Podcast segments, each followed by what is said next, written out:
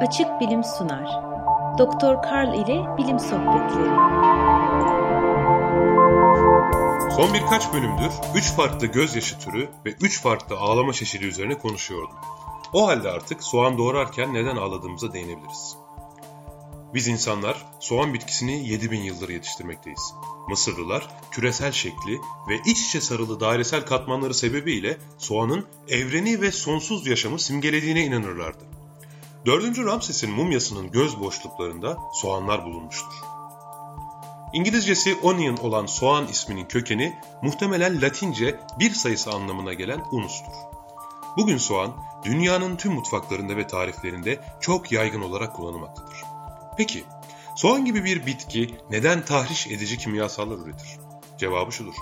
Hayvanlar tehlikeden uzaklaşmak için hareket edebilirken bitkiler hareket edemezler.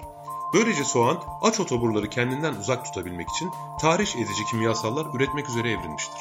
Zira o bir meyve değil, köktür. Şu da var ki bir mantar türü bu durumu soğan aleyhine çevirmeyi başarmış ve soğanın ürettiği tahriş edici kimyasalın izini sürmenin yolunu bulmak üzere evrilmiştir. Soğanı bulur ve saldırır. Çünkü bu kimyasal mantarı rahatsız etmez. Ama çoğu durumda tahriş edici kimyasal görevini yerine getirir ve otoburu bitkiden uzak tutar. Bir soğan kesildiğinde veya kırıldığında hücreleri parçalanır ve saçılır. Ardından 3 aşamalı bir kimyasal süreç meydana gelir. Son aşama rahatsız edici, uçucu ve sülfür içeren bir gazın havaya salınmasıdır.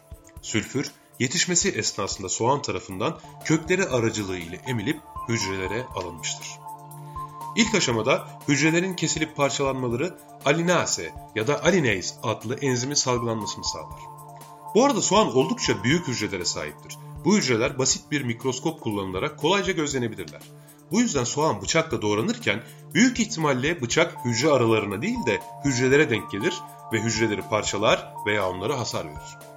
Daha sonra adenase enzimi 1 propenil L-sistein sülfoksit adlı bir diğer kimyasalla tepkimeye girerek bir üçüncü kimyasal oluşturur. 1 propenil sülfenik asit. Kimyasalların isimine pek takılmasanız da olur. Başka isimlere de sahipler ama ben Nature dergisinde kullanılan isimlerini kullandım. Üçüncü aşamada bu kimyasal tahriş edici bir gaz olan propantiyal S okside dönüşür. Bu kimyasalın diğer adı lakrimatörü faktördür. Gözlerinizin yaşarmasına sebep olan bu kimyasaldır. Bu kimyasal gözü kaplayan ve konjonktiva adı verilen zara temas ettiğinde konjonktiva üzerinde bulunan sinir uçları tahriş olurlar. Bu sinirler beyne gözyaşı bezlerinin yaş üretmelerini sağlayacak sinyaller gönderirler. 2002 yılında Japon bilim insanları soğanın biyokimyası hakkında şaşırtıcı bir şey keşfettiler. Buna göre gözlerimizin yaşarmasına sebep olan kimyasal işlem ile soğana tadını veren kimyasal işlem farklıydılar. Aralarında crossover meydana gelse de çoğunlukla birbirlerinin ayrıdırlar. Bu bilgiden yola çıkarak soğanın genetiğiyle oynayarak göz yaşartıcı etkiye sahip olmayan ama tüm diğer özellikleriyle normal bir soğanı andıran bir soğan üretebileceklerini düşündüler. 2008 yılında Yeni Zelanda merkezli Tohum ve Gıda Araştırma Enstitüsü ise bu fikri gerçekleştirdi.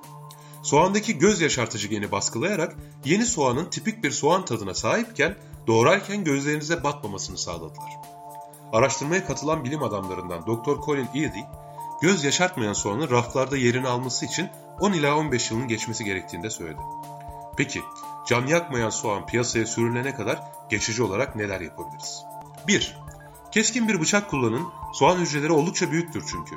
Keskin bir bıçak temiz bir şekilde hücreleri daha az zedeleyecek şekilde keser. Bu da daha az tahriş edici kimyasalın havaya salınması demektir. 2. Su içinde kesin.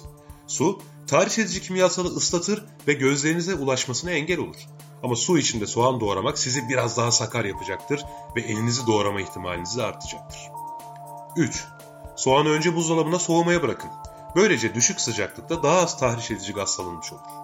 4. Rahatsız edici kimyasalı sizden uzaklara üfleyecek bir vantilatör kullanın. 5. Soğan doğrarken deniz gözlüğü ve şnorkel takın. 5 parasız bir tıp öğrencisiyken yaşadığım gece konumunda soğan doğradığımda korkunç acılar çektiğimi hatırlıyorum. Deniz gözlüğü takmak gözyaşlarını engellemişti ama yine de tam olarak değil. Sonra fark ettim ki burnumdan daha az kimyasal madde girsin diye nefesimi tuttuğumda gözlerim yaşarmıyordu.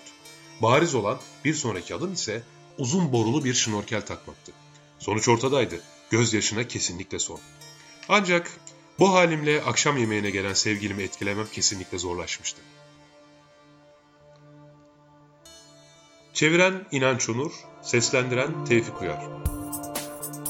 Açık bilim hakkında daha fazla bilgi edinmek, diğer yayınlarımıza ulaşmak ve dergimizle iletişim kurmak için www.açıkbilim.com adresini ziyaret edebilirsiniz.